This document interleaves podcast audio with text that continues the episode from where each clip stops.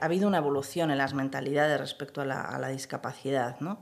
Entonces, antes, pues cuando pues, una persona eh, de la edad de mi abuela nacía y tenía discapacidad en casa, pues seguramente no saldría de casa, ¿no? Le sacarían, era una vergüenza, ¿no? Y era minusválido y era eh, subnormal. O sea, yo tengo 50 años recién cumplidos y, yo tengo informes médicos de recién nacida que aparece que soy un normal. Hoy, lo que, o sea, hoy es una palabra que afortunadamente está desechada. ¿no?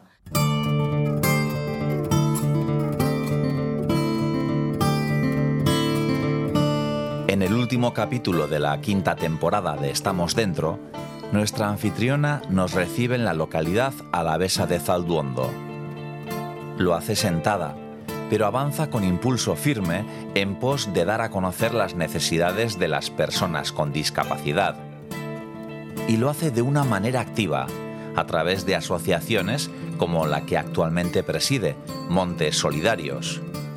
Acompañan a personas con discapacidad a visitar espacios naturales que de otra manera no podrían disfrutar. Puede que tú no seas una de esas personas, pero podrías serlo y nunca está de más ponerse en la piel del otro o en su silla de ruedas.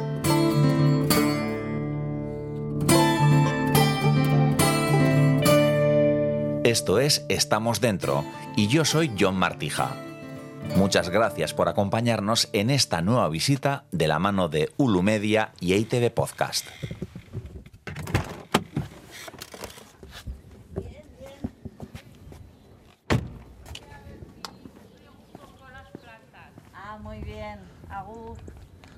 Hola Silvia. Hola. ¿Cantado? Lo mismo, igualmente. Pues bueno, casita más chula, ¿no? Pues sí, sobre todo, bueno, sobre todo cómoda.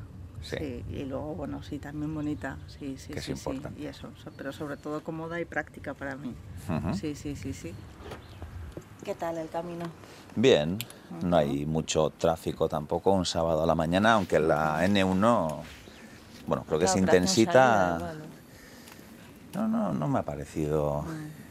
Sí, pega golpe. Vale. Bueno, voy a cerrar por fuera para que no. Vale, igual yo creo que esta mesa para poner los micros y así. Sí, sí. ¿Te parece bien? Sí, sí, sí. sí. Hola. ¿Y el gato cómo se llama? Mafalda. La gata, Mafalda, ¿qué pasa? La gata Mafalda. Hola, Mafalda. Sí, sí. ¿Qué pasa, Mafalda? ¿Eh? Bueno, ya se acercará cuando ella estime es oportuno. Bastante, hay que dejarle su espacio, su tiempo y así, y, eso. No sé si ¿Me pongo yo a este lado o...? Como donde tú quieras, sí. Bueno, igual... Como tú veas. Ponte, ponte más aquí, que las vistas son más bonitas. Bueno, ¿quieres enfocar esto de alguna manera o no sé? Bueno, vamos. No sé, lo que fluya. Vamos, sí. Al final es una charla, tampoco es tan...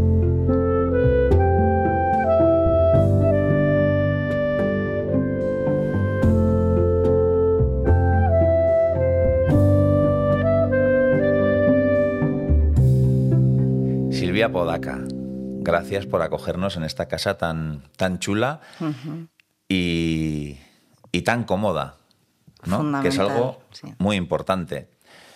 Porque claro, los oyentes no, lo sabrán probablemente, tampoco lo, percibirán, pero tú estás en silla de ruedas. Sí, yo me muevo habitualmente en silla de ruedas. sí. Eh, no sé si te puedo preguntar por las circunstancias, ¿sí? En las que, bueno, no sé si es algo de nacimiento. Sí, yo, eh, bueno, tengo una enfermedad, un poco de estas consideradas enfermedades raras, creo. Y yo nací sin fuerza en las piernas, entonces necesito, eh, o sea, no tengo absolutamente nada de fuerza. Yo he caminado siempre con, con muletas y con unos aparatos en las piernas, pero bueno, pues pues fruto del, deterioro físico, de la edad, de la sobrecarga y del sobreesfuerzo, pues ahora no puedo y me muevo en silla de ruedas. Y bueno, tengo los brazos un poco tocados, digamos, ¿no? Entonces, bueno, me operaron de los hombros y bueno, pues para evitar un poco el dolor, pero, pero bueno, eh, mi forma de moverme es en silla de ruedas, principalmente, sí.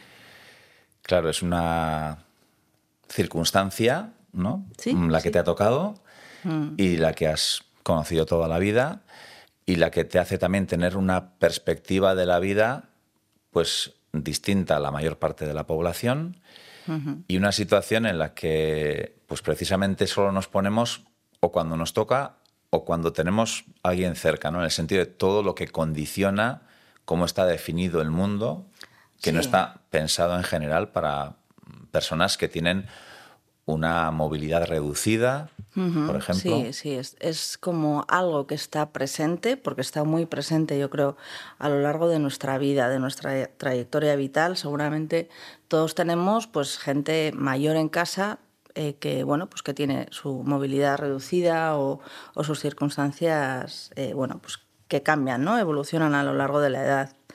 Y luego, bueno, eso sí tienes la suerte de que no en tu familia no ha ocurrido pues a nadie con una enfermedad que, que, que, limite, o sea, que tenga limitada la movilidad, ¿no? O también, pues bueno, pues un accidente, ¿no? O sea, es algo que a la gente muchas veces le pilla de sorpresa, ¿no? Esto de la discapacidad. Y que, bueno, pues evidentemente condiciona la vida eh, pero bueno, es lo que, lo que me, ha gustado mucho, ¿no? Lo que has dicho de es una circunstancia, sin más, ¿no? Porque a veces la gente lo vive como, como bueno, pues hay que, es una mm, cosa de mm, nuestra vida, es un ejemplo de superación. No, es una circunstancia como tú puedes tener las tuyas o cualquiera de los que nos escuchen pueden tener las suyas, lo que pasa es que lo nuestro es bastante visible y evidentemente eh, no es que condicione nuestra discapacidad, es que tal y como está diseñado el mundo, eh, nos condiciona mucho más, ¿no? Y yo uso gafas, tengo bastante graduación. Si me quito las gafas, mm, bueno, pues eh, no mi devenir por la vida puede ser bastante peligroso. Sí, sí. Has utilizado más de una vez el término discapacidad, que a mm. veces, bueno, pues también, ¿cómo definirlo, no? Eh, si hay una connotación peyorativa o, se habla de diversidad funcional, mm. tú bueno, e, en, esa dualidad eh, has utilizado el término de discapacidad. Quizás si lo hubiera utilizado yo, hubiera sonado peor. Sí. A ver, el, eh, yo es algo que, bueno, pues que he pensado mucho y que, bueno, pues a lo largo de mi trayectoria asociativa, sobre todo, pues, pues es algo que, bueno, pues que he pensado mucho y, y he hablado mucho y he tratado mucho, ¿no? El término mm, eh, de discapacidad, o sea, hay muchas formas de llamarnos, cada uno a sí mismo que se llame como quiera, ¿no? O sea, hay gente que se autodenomina eh, minusválido, ¿no? A mí me sangran los oídos cada vez que escucho eso de minusválido, ¿no? Porque tiene una connotación negativa, pues, pues brutal, ¿no? Eh, pero sí que es verdad que yo respeto cómo se autodenominen las personas, ¿no? Pero a mí me parece sobre todo importante eh, que la gente haga una reflexión de lo que significa, ¿no? Utilizar una terminología u otra. Por ejemplo, eh, eso, pues en nuestras formaciones, en las que hacemos en la, en la asociación, de la que, bueno, pues luego hablaremos, em, intentamos hablar mucho de que, de que bueno, pues ha, habido una evolución en las mentalidades respecto a la, discapacidad, ¿no? Entonces, antes, pues cuando pues una persona eh, de la edad de mi abuela nacía y tenía discapacidad en casa, pues seguramente no saldría de casa, ¿no? Le sacarían, era una vergüenza, ¿no? Y era minusválido y era eh, subnormal. O sea, yo tengo 50 años recién cumplidos y, yo tengo informes médicos de recién nacida que aparece que soy subnormal. Hoy lo que o sea, hoy es alguna palabra que afortunadamente está desechada, ¿no? Pero, pero va evolucionando la terminología en función de cómo va evolucionando la mentalidad, ¿no? Entonces, eh, por ejemplo, el tema de el tema de la, de la terminología, pues no es lo mismo decir minusválido que discapacitado, que persona con discapacidad, que persona con diversidad funcional. Eh, yo tiendo a hablar de persona con discapacidad porque estás de alguna manera señalando una circunstancia de esa persona, pero no estás definiéndola por su discapacidad.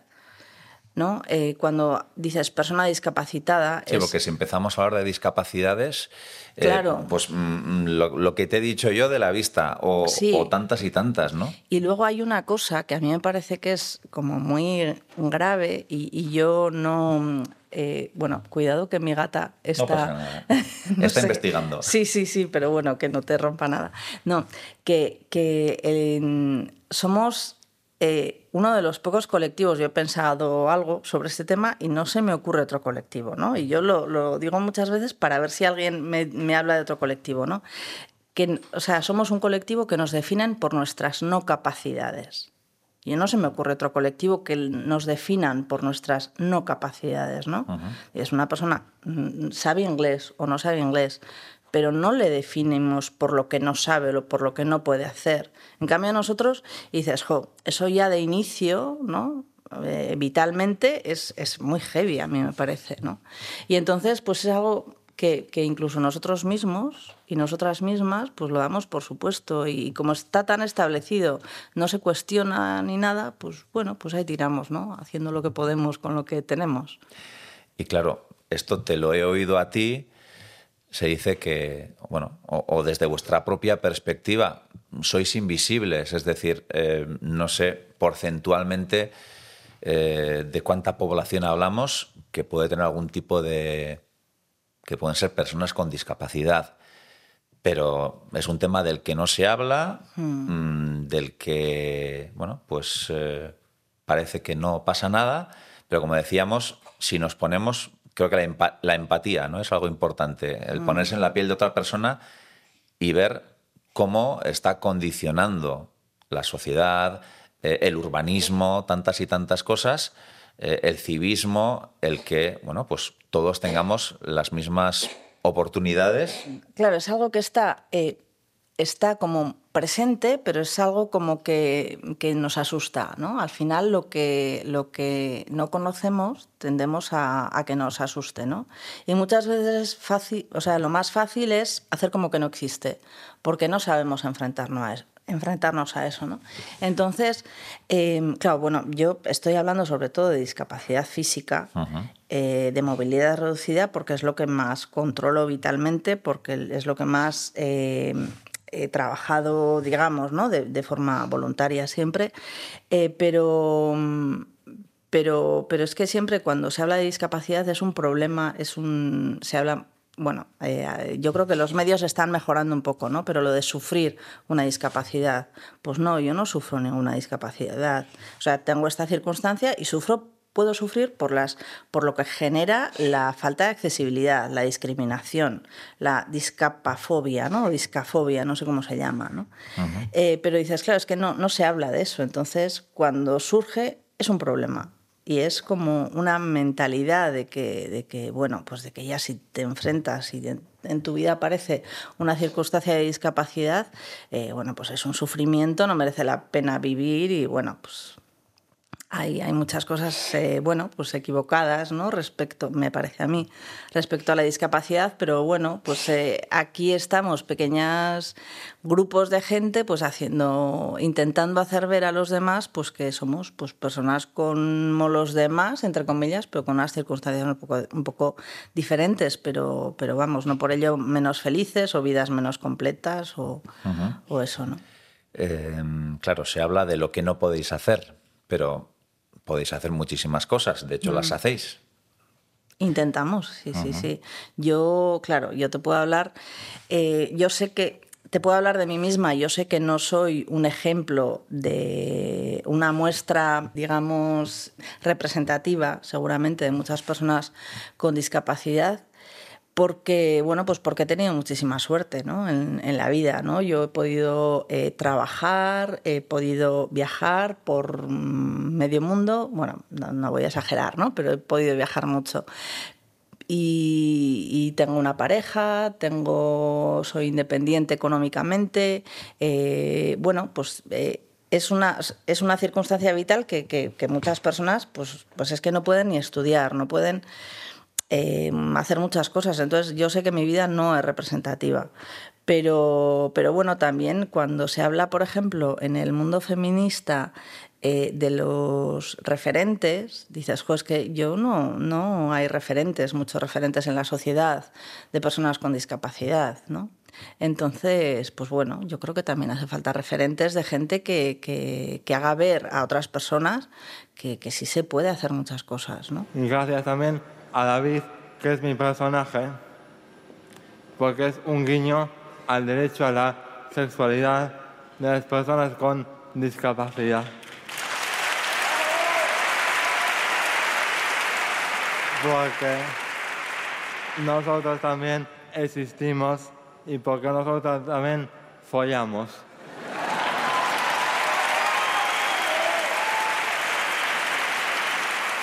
Poco más poco más os puedo decir. Os voy a decir que brindemos hoy por un cine más inclusivo y con cuerpos de todo tipo.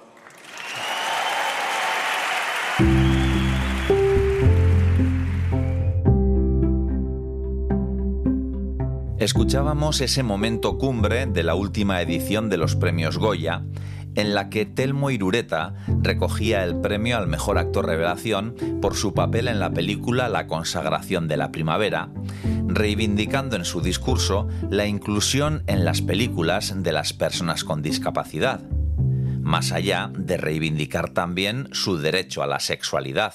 Sí, es que también follamos. O sea, y es que a veces em, lo que te pide el cuerpo es ser un poco así, eso, decir, no, bueno, pues tenemos derecho al ocio, a la educación, a tal, pero claro, se nos ve, pues hay una mentalidad como de que, bueno, pues que somos, somos como angelitos, ¿no? De, eh, no tenemos sexo, ¿no? Eh, muchas veces somos el tercer sexo. Yo el otro día fui a la piscina eh, en Vitoria y, eso, y eran baños para mujeres, hombres y personas con discapacidad, ¿no?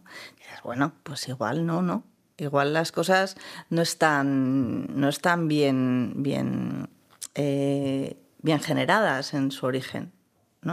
Entonces, bueno, pues eso es una pequeña muestra, un pequeño ejemplo de, bueno, pues de que no se nos considera en muchos ámbitos, bueno, pues es que te podría hablar aquí cinco horas, ¿no? Pero tampoco, tampoco es plan de dar la chapa. Pero bueno, mm, eh, cuando pensamos en, cualquier cosa que, que haga que hagas tú, que haga la persona que nos esté escuchando, pues es que yo me planteo y dices, bueno, ¿y por qué no? O sea, si me apetece hacerlo, claro, tampoco es obligatorio hacer parapentes si, si no me apetece. Que bueno, algún día no lo descartamos, ¿no? También, pero bueno. ¿Cómo viviste ese momento? Porque mediáticamente, desde luego, bueno, fue muy emocionante el momento y, y mediáticamente también ha puesto el foco sobre esa realidad, o sea que yo creo que es positivo. Sí, bueno, yo la, película la verdad es que no la he visto, em, pero, pero bueno, eso de, hablar de, bueno, hay, hay una película, las, mm, ay, ahora no me acuerdo cómo se titula, pero de Helen Hunt y tiene unos años también la, la película, que también hablaba de, de, bueno, pues el derecho de las personas con discapacidad a, a una sexualidad, ¿no? Sí, estaba una francesa también, Nacional 7, de hace años. Sí, sí, sí, sí. Y, yo, bueno, me, me, parece, me parece bien, o sea, todo lo que sea visibilizar la discapacidad eh, en cualquiera de sus formas me parece bien, ¿no? Pero sí que mm, me da un poco de miedo, incluso estar hablando ahora contigo un poco de mi vida, ¿no? Más a nivel personal, me da un poco de miedo que la gente se quede con, con ese ejemplo, ¿no? con ese ejemplo como algo representativo de, de, de algo, ¿no? De, o sea, y no nos vea como personas individuales que tenemos estas circunstancias. Sí, incluso podemos hablar casi hasta, entre comillas, de cuotas, ¿no? Venga, vamos a, a poner a una persona con discapacidad y así ya se ve que... Sí, luego, a ver, yo no tengo ni idea del mundo del cine ni nada, ¿no? Pero, pero yo sí que me doy cuenta de que, por ejemplo, en los Oscars o en, en, los Goya, no lo sé, pero, pero tienden a premiar a personajes, ¿no? A, o sea, actores que, que tienen eh, un eh, papeles de personas con discapacidad con unas circunstancias muy concretas, ¿no? Muy así. Entonces, pues bueno, o sea, a mí me gustaría que, Telmo pudiera hacer muchas más pelis, ¿no? Eso sería, eso sería lo guay, ¿no? Que como en su día eh, este otro actor que, hizo la de campeones, que ganó un premio, Jesús, no me acuerdo. Jesús, sí, Sí, no me acuerdo. Seguro que todos le ponemos cara. Dices, jo, pues, pues, pues eso, que, que, hagan muchos papeles y eso me, me, gustará más, ¿no? O sea, esto pues me parece algo puntual y que, que es como eh, una especie de, de bueno, pues como que la sociedad dice, bueno, algo hacemos por ellos, ¿no? Les intentamos eh, incluir, ¿no? Que luego es una. la inclusión es una palabra tan, tan pervertida, ¿no? Tan, tan tan mal utilizada, ¿no?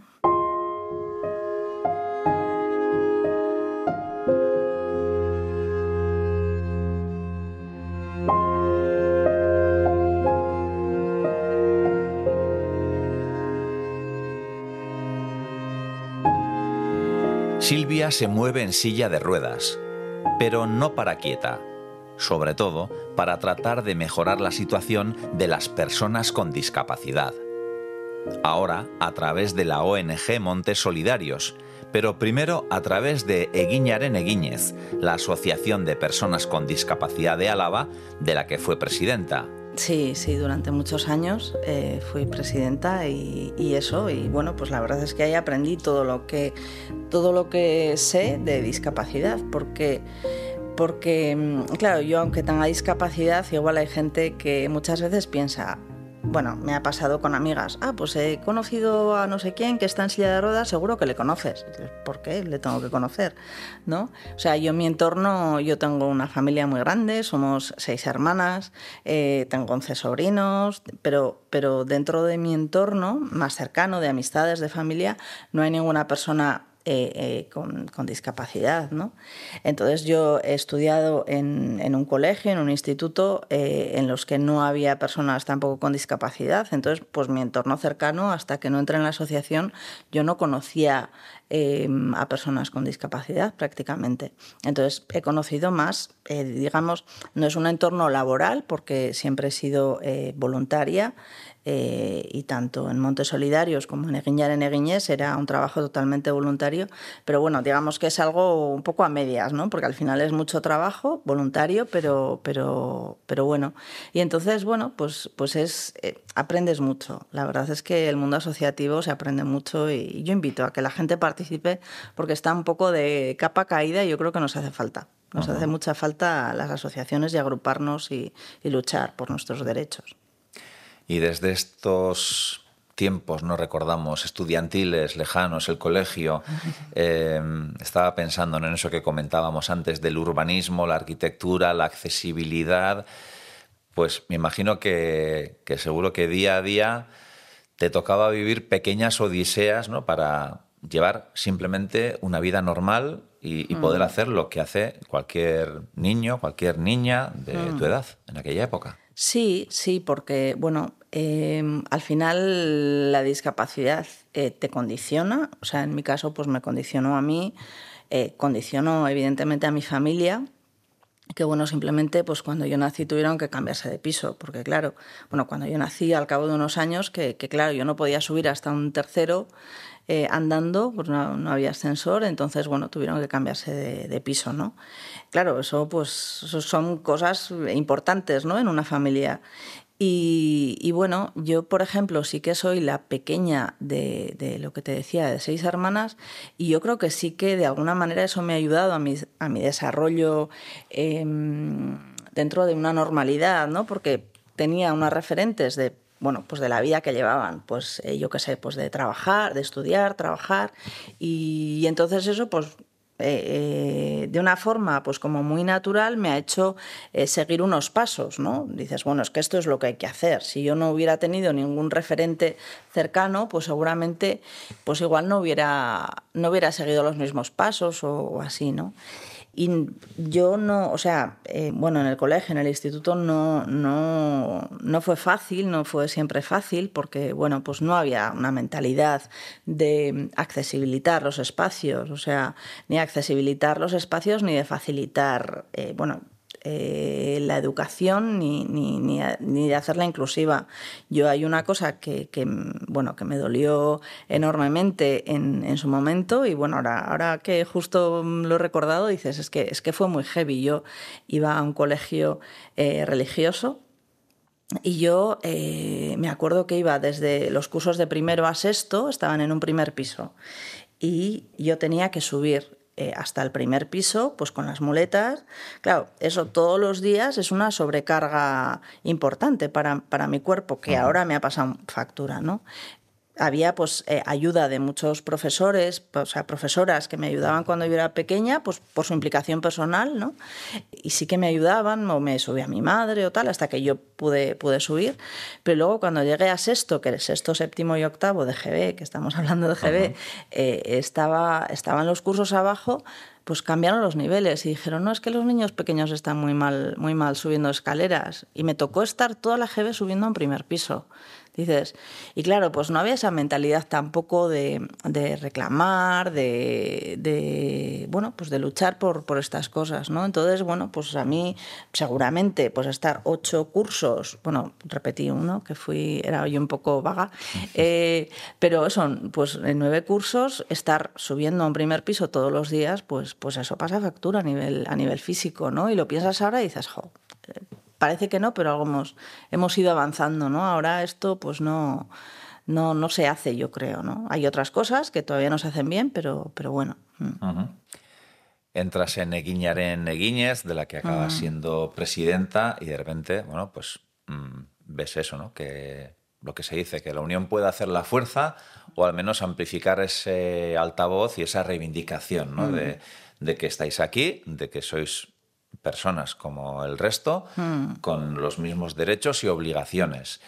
y, bueno, yo he visto alguna acción que hicisteis bastante curiosa, como esta de poner multas, hmm. eh, bueno, supuestas multas, ¿eh? así como mm, papelitos en aquellos vehículos que sin tener mm, un propietario con alguna discapacidad, pues ocupaban esas plazas reservadas evidentemente, pues eh, haciendo la puñeta a las personas que realmente sí las necesitan. Sí, sí, sí, em, sí. Bueno, pues esa acción fue, fue llamativa, ¿no? Pues sí, sí, sí. La verdad es que, eh, claro, pues es que en nuestro día a día nos encontramos que, pues eso, vamos a aparcar y en muchos sitios eh, yo creo que ahora se respeta más, es la sensación que el coche que está aparcado tiene la tarjeta, ¿no? De, de persona con movilidad reducida o bueno, persona que pueda aparcar ahí. Pero en su momento yo creo que se, respetaba menos, ¿no? Y sí que, bueno, pues es que da mucha rabia porque es que al final está claro que con una discapacidad necesitas más tiempo para absolutamente todo, pues porque tus ritmos no son, no son iguales y porque, y porque bueno, pues, pues hace falta, pues, pues eso, necesitas más tiempo, ¿no? Entonces, claro, ir a un sitio y querer aparcar, claro, no, en mi caso yo no podía andar en ese momento mucho, ¿no? Y ahora, bueno, y ahora nada, pero, pero ir a aparcar en un sitio y ver que alguien había aparcado con los intermitentes, dices, no, no, que, que solo son 10 minutos, que es que vengo a hacer un recao, ya, pero ¿y, yo? Es que yo no puedo aparcar aquí, ¿no? Entonces, sí, la verdad es que pues era una forma de darnos visibilidad, ¿no? Pues campañas de, no sé cómo lo llamaban, guerrilla, guerrilla urbana o, o bueno, igual no, ¿eh? Igual, bueno, pero era algo de guerrilla, eso sí que tal, ¿no? Y era un poco pues para visibilizar, ¿no? Y claro, pues era como un papel, pues eh, que tenía el, mismo formato de, de, de, una multa. Entonces, de primeras, eh, la persona que llegaba y se encontraba ahí la multita falsa, no era, no era real, pero bueno, de primera se pegaba un susto, ¿no? Claro, y luego, y luego encima también había gente que mm, te, te echaba un poco la bronca, ¿no? O sea, en vez de admitir, mira, he aparcado mal, lo siento, pues ya está, me voy y no pasa nada, pues gente que, que se encaraba un poco contigo, ¿no? Y dices, jolín, o sea, qué poca empatía y qué poca, no sé, ¿no? Si algún día estás en mis circunstancias, te acordarás igual de, de esto, ¿no? Pero bueno, pues al final son formas de intentar sensibilizar a la gente de que, bueno, pues de que tenemos una, o sea, una necesidad, ¿no? Y bueno, pues habrá quien se, quien se sensibilizaría y habrá quien no, pero bueno. Pues... Bueno, acciones que creo que son efectivas, ¿no? También para incluso eh, quien no haya aparcado, pues para que el resto vea también, porque incluso poníais un globo. Sí, sí, claro, porque dices la multa la ve quien, quien, quien va a cogerla, pero el que pasaba por cerca era de, alguna manera llamar la atención, ¿no? Claro, eso lo grabábamos y luego se hicieron algún vídeo y así. Y entonces, sí, sí, hijo, la verdad es que ni me acordaba. Pero sí, son cosas que intentábamos hacer eso para visibilizar, ¿no?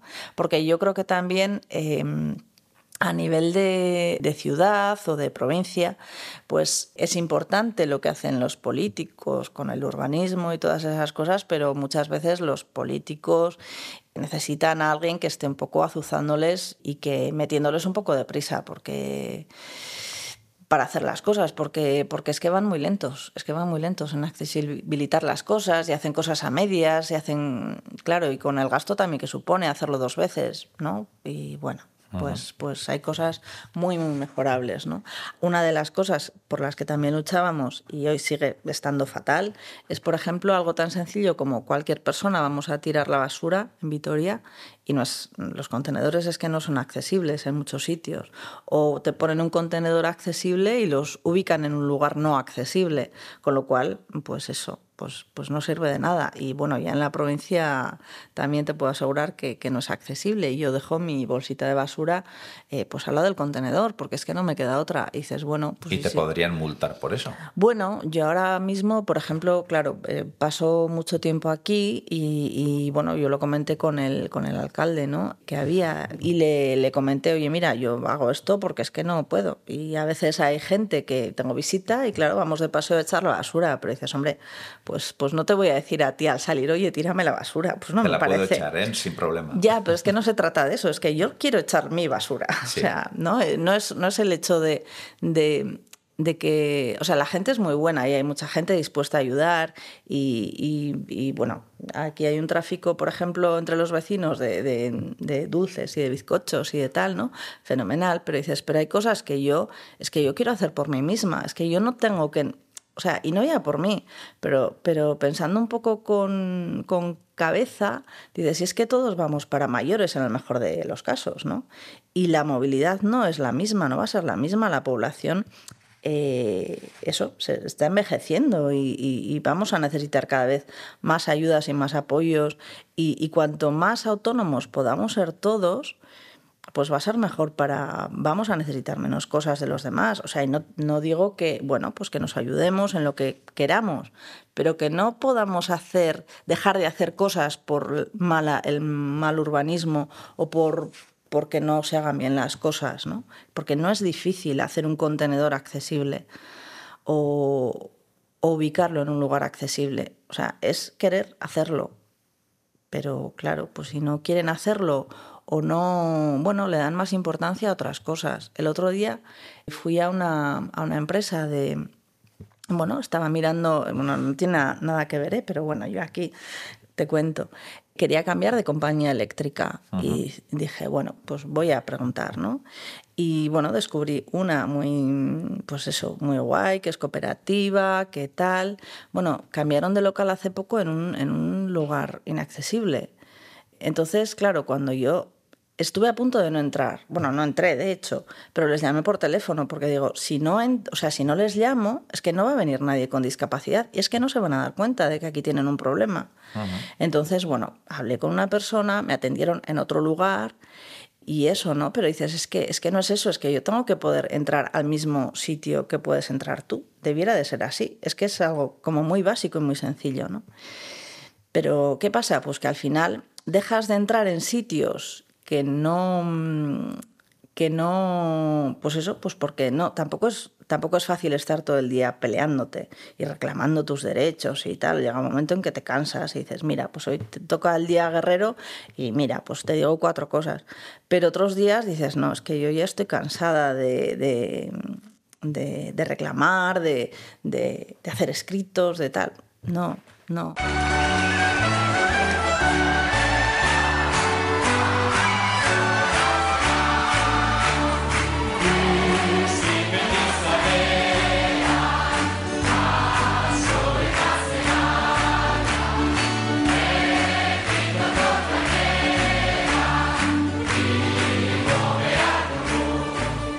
A pesar de los momentos de desencanto y frustración, Silvia descubrió otra asociación cuyo enfoque la atrapó. Bueno, al final el, mundo asociativo es, es, es, muy cansado, ¿no? Si lo quieres, si quieres hacer las cosas bien, si quieres hacer muchas cosas y, y, eso, ¿no? Entonces, bueno, pues por circunstancias, pues yo dejé ya la asociación porque fueron muchos años y yo, pues eso. Y luego, pues, pues yo no quería meterme en más líos ni en más, yo quería una vida tranquila, pero Conocí la asociación por, por una amiga que me dijo que existía esta posibilidad y bueno, a mí me sorprendió mucho porque claro, es algo pues eso, de estas cosas que tienes asumidas que no puedes hacer, ¿no? Entonces, bueno, pues contacté con ellos y, y entonces, bueno, pues me, me, explicaron, además fue, fue muy heavy porque, porque a, esta, a esta amiga le habían ofrecido la posibilidad de, de ir al Teide y ellos estaban en ese momento eh, buscando una persona para poder subir al Teide, ¿no? Claro, pues eran muchas horas, no, no hacía, o sea, no puede ir cualquier persona sentada un montón de horas en una silla, ¿no? Y también había que pagarse el viaje y también pues eran varias circunstancias que dices que no hacía posible que cualquier persona pudiera ir.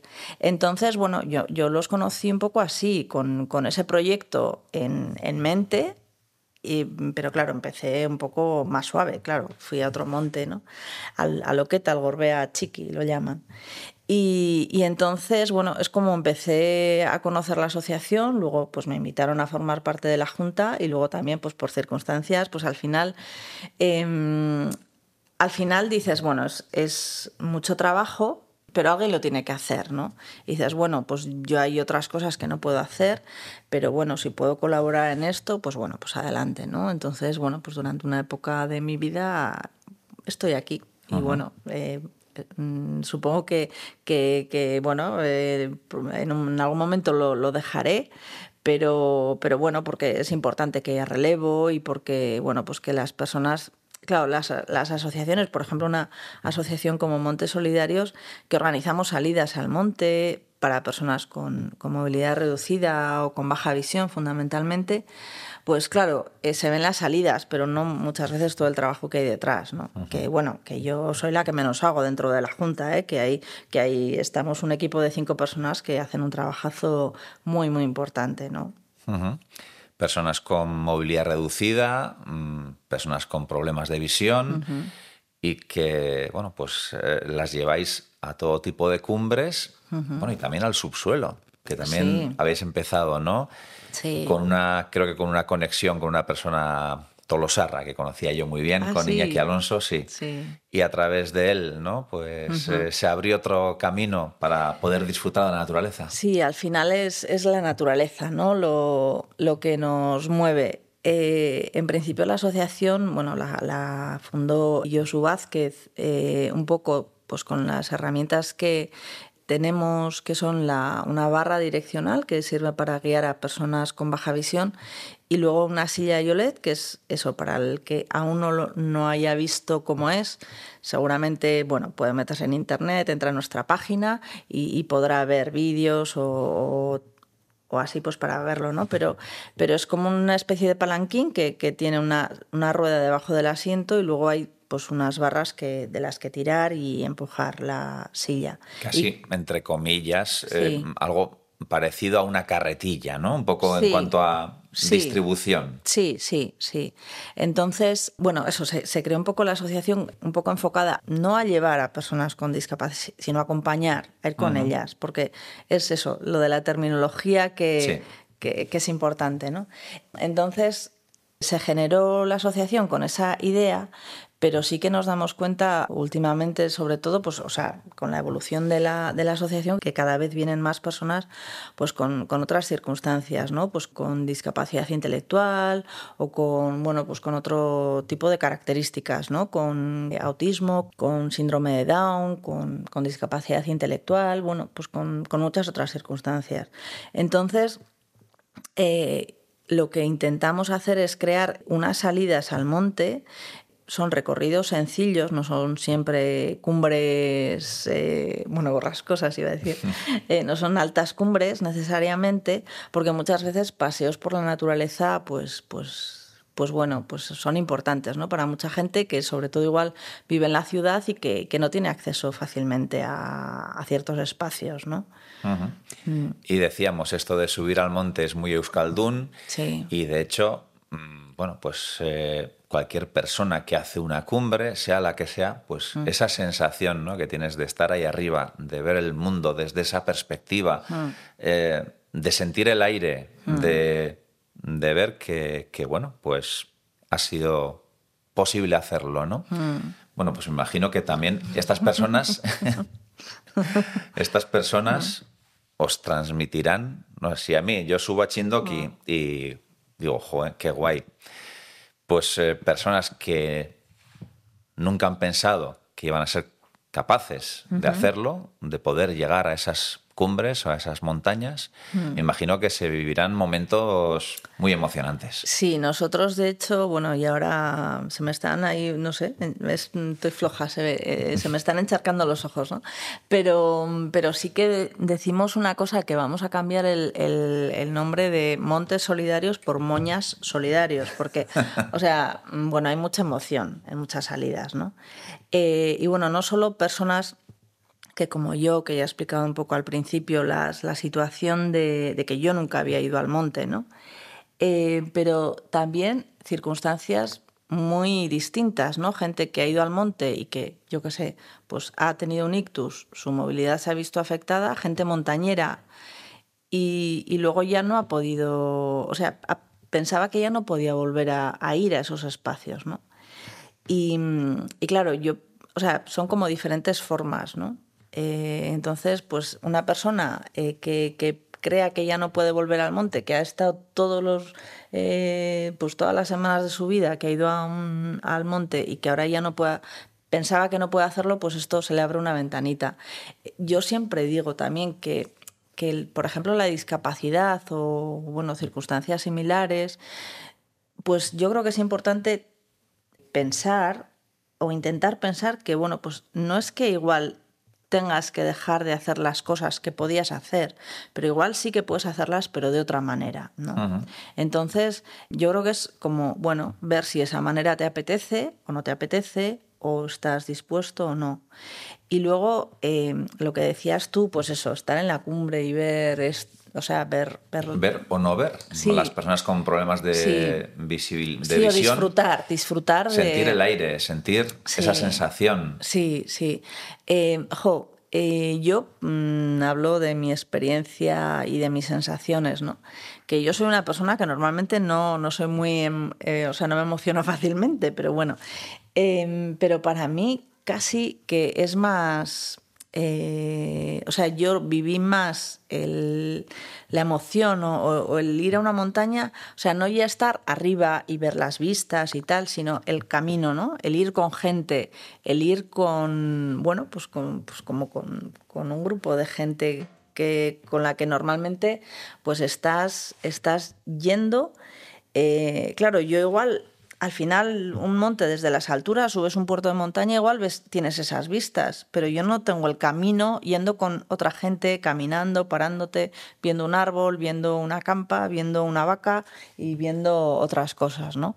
Entonces es más, para mí es más el camino, eh, yo creo, y el disfrutar y bueno, pues hablar de la vida, de lo divino y lo humano durante el camino, ¿no? Y me has Mm. hecho una puntualización muy bien hecha, que no es llevar, es Sí. acompañar. Es decir, porque eso mm, enriquece a todo el que participa. O sea, estoy convencido de que esas personas que se involucran ¿no? como voluntarias, eh, acompañando ¿no? a estas personas con problemas de visión o movilidad reducida, pues seguramente la experiencia es tan intensa para ellos como para las personas a las que acompañan.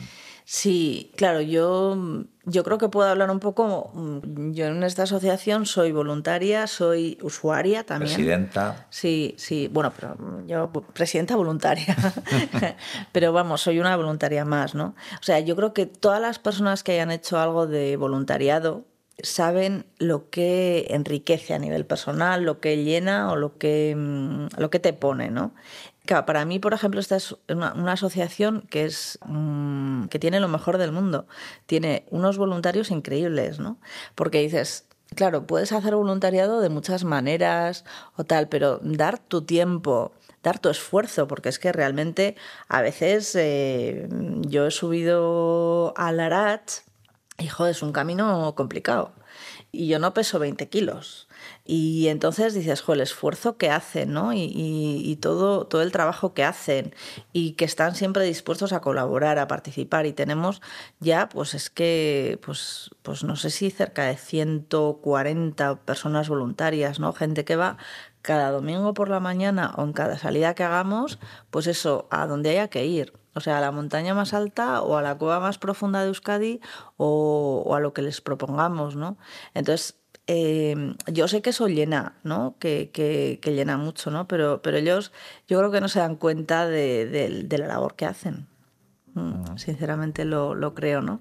Entonces, pues está guay, ¿no? Que, que, esto sobre todo tenga continuidad y que, y que demos la oportunidad a un montón de personas de poder ir, de poder, de poder disfrutar y, sobre todo em, de, de, ver que, que, es un entorno que, que puede disfrutarse, ¿no? Y, y, luego también a mí me lleva a pensar que, que dices, bueno, si podemos subir una montaña, las personas con discapacidad, eh, ¿por qué es tan difícil a veces accesibilitar las ciudades, ¿no? nuestros entornos diarios? ¿no? Ya digamos, esto es un extra, ¿no? es, es ocio, pero no sé, no parece que debiera ser tan complicado, ¿no? con un poco de, de implicación de todos, ¿no? hay que querer, sobre todo hay que querer.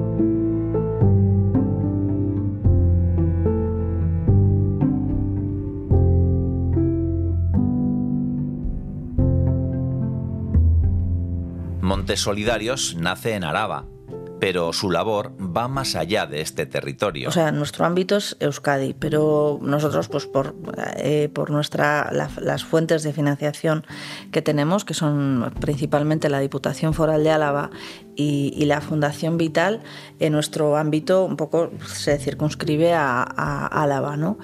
Eh, y luego sí que, pues a veces intentamos hacer proyectos, eh, bueno, pues por ejemplo el tema de las cuevas, que en Álava no hay cuevas eh, mínimamente accesibles para, para, para, poder acceder. Entonces, em, eso, pues eh, con el apoyo de la, de la, caja laboral, en este caso, pues pudimos, hemos podido recorrer varias cuevas de, Euskadi, ¿no? Son cuevas que, eso, bueno, es un proceso, es un proyecto muy, muy chulo que se, se, se llama Escuchando el Silencio y que se generó eh, gracias a Indio. Y, bueno, y un poco pues lo que se ha intentado, además, bueno, pues nos ha coincidido muy bien porque dices, las cuevas se pueden recorrer muy bien en invierno, que es cuando eh, la actividad de montes solidarios eh, en las montañas, pues el clima pues, que tenemos aquí es un poco, ya lo conocemos todos, ¿no? Entonces, pues en pleno enero, en pleno diciembre, pues no se pueden hacer tantas cosas. Y, entonces, bueno, pues, pues nos ha servido también muy bien pues para poder dar continuidad durante estos meses ¿no? y, bueno pues las salidas que hacemos cada cada bueno pues cada todos los meses hasta bueno menos agosto y julio que, que igual hacemos un poco menos por el pues por las vacaciones de la gente por el calor y tal pero pero bueno sí también hacéis visitas a colegios y bueno, todo mm. esto ayuda ¿no? un poco a, que también se pongan en la piel. ¿no? Sí, sí, tenemos varios proyectos. Eh, por ejemplo, eh, después de lo del COVID, ¿no? de la pandemia, eh, gracias a la Fundación Vital, tenemos, bueno, sacaron una, una, convocatoria de subvenciones para las personas afectadas por, por la por la pandemia, digamos, ¿no?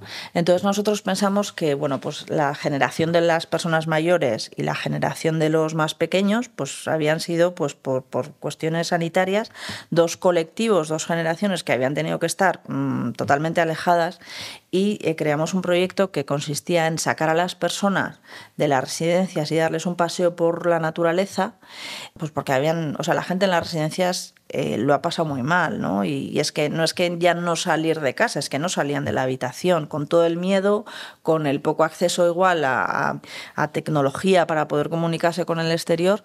Entonces nos parecía que que una buena forma de, compensar esas situaciones era salir, sacarles ¿no? a, la naturaleza y luego pues eh, hicimos un vídeo para eh, contárselo a los más pequeños. ¿no? Sí que nos damos cuenta pues que eso está ya un poco olvidado, ¿no? como que se ha querido pasar página un poco rápido, ¿no? Pero bueno, eh, queremos seguir con las salidas de las personas mayores de las residencias porque, bueno, pues porque disfrutan mucho, ¿no? Porque, y bueno, también es una forma de poder eh, dar un paseo, pues en Vitoria, que ahí está el Anillo Verde, que, tiene cosas muy, naturaleza muy cerca, muy fácil de recorrer que para las personas igual eh, mayores eh, que tienen unas circunstancias delicadas tampoco pueden estar toda una mañana en el monte, pero una tarde sí en un paseo por el anillo verde, ¿no? Entonces, pues nos han dicho las responsables, les vemos a ellos cuando hablan que bueno, pues que les viene muy bien y es un proyecto para el que este año también hemos conseguido financiación, entonces bueno, pues queremos, queremos darle un poco de vidilla y bueno, pues también sirve para, para que las, las y los voluntarios puedan, que no pueden venir igual los fines de semana, eh, pues entre semana puedan venir, ¿no? Entonces bueno, Hay muchas cosas, muchos proyectos. Muchos muchas... proyectos. Sí, sí. Y energía e ilusión. Sí, También. Sí, sí, sí, sí, sí, Bueno, eso se intenta y si no, bueno, pues se hace. Y bueno, sí, con el equipo, con lo que decía, o sea, es importante mm, los y las voluntarias y, la energía que dan ellos con todo, ¿no? Nosotros desde la Junta Directiva, bueno, pues intentamos hacer lo mejor posible, ¿no? También tenemos el apoyo de, de una empresa, bueno, la empresa de Josu Vázquez, de Senderos Accesibles, para ayudarnos un poco a gestionar las salidas, porque sin ello no Mm, o sea, solo a nivel de voluntarios es que, bueno, pues es que no, no, no podemos, ¿no? Necesitamos de alguna manera algo de, profesionalización para, para poder hacer todo, ¿no? Y entonces, bueno, pues entre todos, bueno, intentamos ahí hacer cambalaches para, para sacar las cosas adelante y al final, de una manera o de otra, siempre pedimos muchas veces perdón porque decimos, pues que pues igual lo podríamos haber hecho mejor o tal, pero bueno, que nos perdonen por todos los errores cometidos todos y todas, ¿no? Y a Silvia Podaca, mm. ¿qué cumbre le queda por alcanzar? No hablo tanto de topografía o geografía, sino más... más personal. Más personal. Yo, mi, mi, objetivo en la vida es estar tranquila. Necesito, bueno, aquí en un entorno que ya ves, así que estoy rodeada de naturaleza, no es una alta cumbre, pero, pero, pero eso, estar tranquila y, y disfrutar, ir haciendo pues pequeñas eh, proyectitos, ¿no? Pues. Eh, bueno, sí, ya sé que Alta Cumbre eh, me han propuesto hacer una exposición aquí en mi pueblo hay una asociación cultural y me gusta pintar y, eso, ¿no? Y bueno, pues es una, es una cumbre muy alta porque yo siempre he pintado, pero yendo a clase y eso, ¿no? No soy una profesional, pero bueno, es una oportunidad muy chula. Al final, exponer tu trabajo que la gente lo vea, lo valore, ¿no? También es un reto. Sí, sí, sí, sí. Y luego sí que de alguna manera me gustaría eh, conectarlo con el mundo de Montes Solidarios, ¿no? Y naturaleza y eso bueno, veremos cómo hacerlo. Ahí me han dado margen de tiempo, lo cual es un problema también porque, bueno... ¿Hay una sala de exposiciones accesible? Eh, sí, es eh, practicable, digamos, ¿no? Sí, yo puedo entrar, puedo entrar. Hay una rampa de madera que como, bueno, pues que cualquier vecino me la puede sacar cuando, cuando esto tenemos en, en Zalduendo aquí una, una asociación cultural, eh, un palacio, hay un museo etnográfico y, bueno, ahí se hará la exposición, espero, pronto. o sea que sí, sí. Bueno, estamos en Zalduendo. Dices tu pueblo, no sé si tus orígenes están aquí. Sí. sí. mi madre es de Zalduendo, mi padre era de Araya de, pues eso, de las faldas del Arach. Por eso yo pude, cuando pude subir al Arach, pues, pues, pues fue muy chulo. Porque era el monte que siempre lo veía de abajo, pero nunca, nunca había disfrutado desde arriba, ¿no? Entonces, yo lo que digo, ¿no? Como, como mm, el Arach era como pues es el fondo de, pantalla, ¿no? El fondo, el escenario que tienes de en tu día a día cuando yo estaba aquí, porque yo siempre he vivido en Vitoria. Y entonces era como el fondo que tienes ahí, ¿no? Pero bueno, pues lo veía totalmente, bueno, pues ahí está, ¿no? Pero ya cuando lo ves y ves que puedes subir, dices, bueno, ya cambia un poco, cambia poco o, mucho la, perspectiva. Bueno, pues eso, lo de Mahoma y la montaña, pues en este mm. caso sí, habéis ido. Mahoma ha ido a la montaña. Sí, sí, sí, sí. Sí, Montes Solidarios y los grandes voluntarios y voluntarias de Montes Solidarios me, han subido a la, a, la montaña. Sí, sí, sí. Silvia Podaca, ha sido un placer el conocer tu historia, el felicitarte ¿no? por esa labor que desarrolláis, por ese voluntariado que consigue que, que tanta gente siga viviendo su vida con ilusión, con, metas, con objetivos, con alegría y, vaya, no es poco, ¿no? No, no, yo creo que es mucho, ¿no? El, claro, llama mucha gente eh, para, para, ver cómo trabajamos, porque, bueno, y el otro día hablé con una, con una mujer que tiene un sobrino, bueno, en unas circunstancias muy delicadas, médicas y tal, ¿no? Y, y, después de hablar con ella, ¿no? Yo le decía, bueno, o sea, cuando se acabe de solucionar esta circunstancia, se concrete, bueno, pues que sepas que está esta puertita abierta, ¿no? Y, muchas veces eso es ah, tener una puerta abierta para, para, ver un poco la luz y decir, bueno, igual pasas por esta puerta o por esta ventana y, ya ves más cosas, ¿no? Pero bueno, es una primera puerta y, Y yo creo que está muy bien. Una puerta más que tenemos abierta. Pues gracias Silvia por abrir a Estamos Dentro la puerta de tu casa en Zalduondo. Esta mafalda por aquí está de movilidad reducida poco, ¿eh? porque se ha subido a la, a la campana del extractor sí, sí. y está ahí. Después de morder tu mochila. Eso, no pasa nada. Luego el de casa olerá y ha dicho, ¿qué ha pasado aquí? Claro, claro. ¿Qué ha pasado? Bueno. Silvia, muchas gracias. Bellas Casori.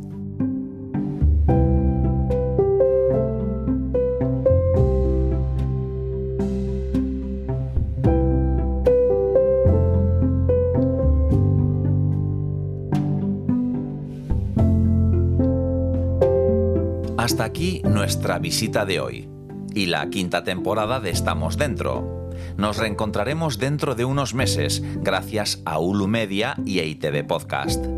Mientras tanto, no dejéis de visitar vuestra plataforma de audio favorita. No vaya a ser que se os haya quedado alguna charla en el tintero sonoro. Muchas gracias por vuestra complicidad y hasta la próxima visita.